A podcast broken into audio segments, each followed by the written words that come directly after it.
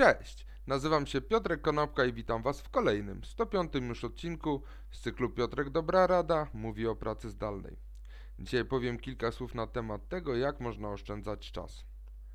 Czas to jest taki zasób, którego nie możemy odbudować, także jeżeli go mamy, wydawajmy go e, z głową.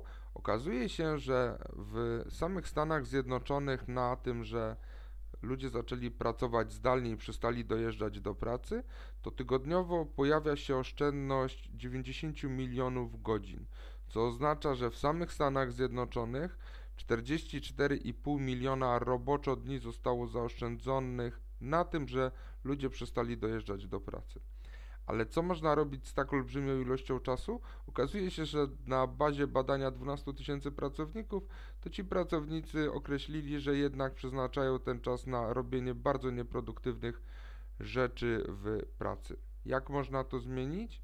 Żeby ten czas jednak zachować dla siebie, należy odbyć dwie lekcje. Pierwsza lekcja ma tytuł Pracuję z domu czy mieszkam w pracy. Oznacza to, że zdanie jeszcze jeden e-mail może zostać przeciągnięte na kolejne dwie godziny i zamiast zrobić coś pożytecznego dla siebie, spędzamy dodatkowe dwie godziny w pracy. Idealnym odwzorowaniem prawa Parkinsona, że praca wypełnia cały dostępny obszar, jest to, że ludzie, jeżeli oszczędzają 53 minuty dziennie na niedojeżdżaniu do pracy, to jest dokładnie te 53 minuty, które przeznaczają na pracę, ale w mniej produktywnym wydaniu. Drugą lekcją jest właśnie lekcja pod tytułem Oszczędzam czas czy marnuję ten czas. Okazuje się bowiem, że bardzo mocno wzrosły tak zwane pasywne rozrywki, czyli oglądanie telewizji na przykład.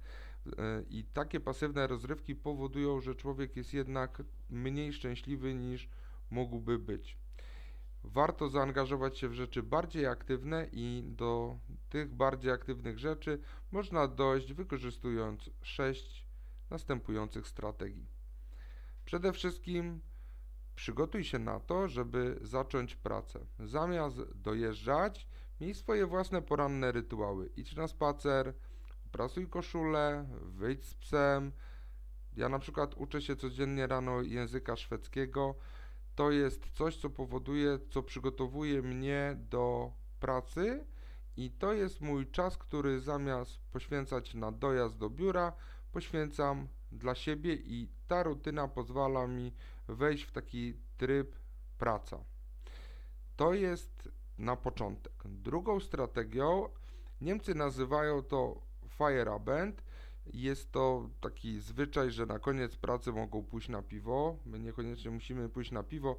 Możemy się nagrodzić na koniec pracy e, jakimś e, drobnym słodyczem, drobnym napojem, e, spacerem, jazdą na rowerze, czymś, co przyniesie szczęście i co przyniesie nam rozrywkę, ale równocześnie mocno oddzieli czas pracy od czasu wolnego, ponieważ wyjście mentalne z pracy jest bardzo istotne. Trzecią strategią to jest to, co w ciągu dnia możemy określić jako strategię must win, czyli powinniśmy się codziennie koncentrować na jednej rzeczy, która nieważne co się będzie działo, powinna zostać osiągnięta i my powinniśmy to z pełnym zaangażowaniem tą daną rzecz zrealizować. Czyli mentalnie wyjdziemy do pracy, zrealizujemy jedną ważną rzecz, którą sobie sami ustalimy i która jest dla nas bardzo istotna, osiągniemy sukces i z tej pracy wyjdziemy i w ten sposób zamkniemy klamrą nasz dzień pracy. Dodatkowo czwartą strategią jest to, że nie należy blokować całego swojego dnia pracy na bezproduktywne spotkania na Zoomie, w którym czasami nawet nie musimy uczestniczyć z merytorycznego punktu widzenia, ale jesteśmy tam, bo ktoś nas zaprosił. I o ile takich spotkań, takie spotkania powinniśmy eliminować, równocześnie o tyle powinniśmy w ciągu dnia mieć zaplanowany taki czas na pracę intelektualną. To powinien być czas na pracę, gdzie wyłączymy wszystkie powiadomienia, skoncentrujemy się na jednym zadaniu. Będzie to czas, w którym będziemy wykonywać rzeczy, które nie są pilne, ale są ważne, to jest czas, w którym nie będziemy się koncentrować na następnym deadline. Piątym krokiem w tych strategiach jest umiejętność odzyskania w tym czasie dystansu społecznego tego słowa społeczny.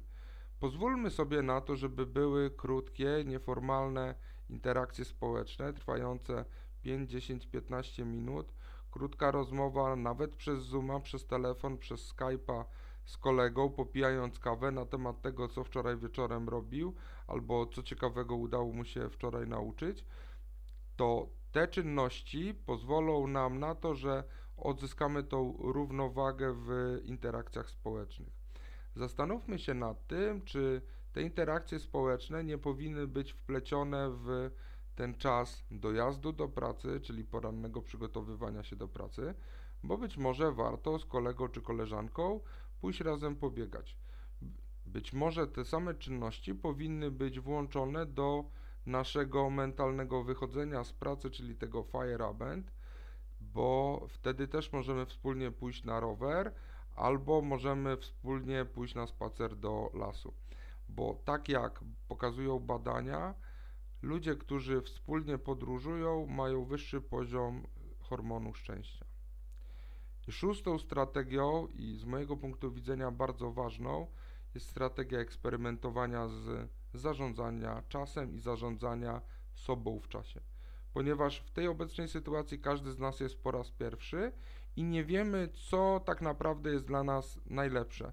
Pozwólmy sobie na eksperymentowanie, pozwólmy sobie na porażki, na sukcesy i nawet jeżeli te wszystkie ograniczenia związane z koronawirusem kiedyś ulegną ograniczeniu i ten koronawirus zniknie, to być może te rzeczy, których się nauczymy dzisiaj, pomogą nam lepiej zorganizować sobie czas w przyszłości.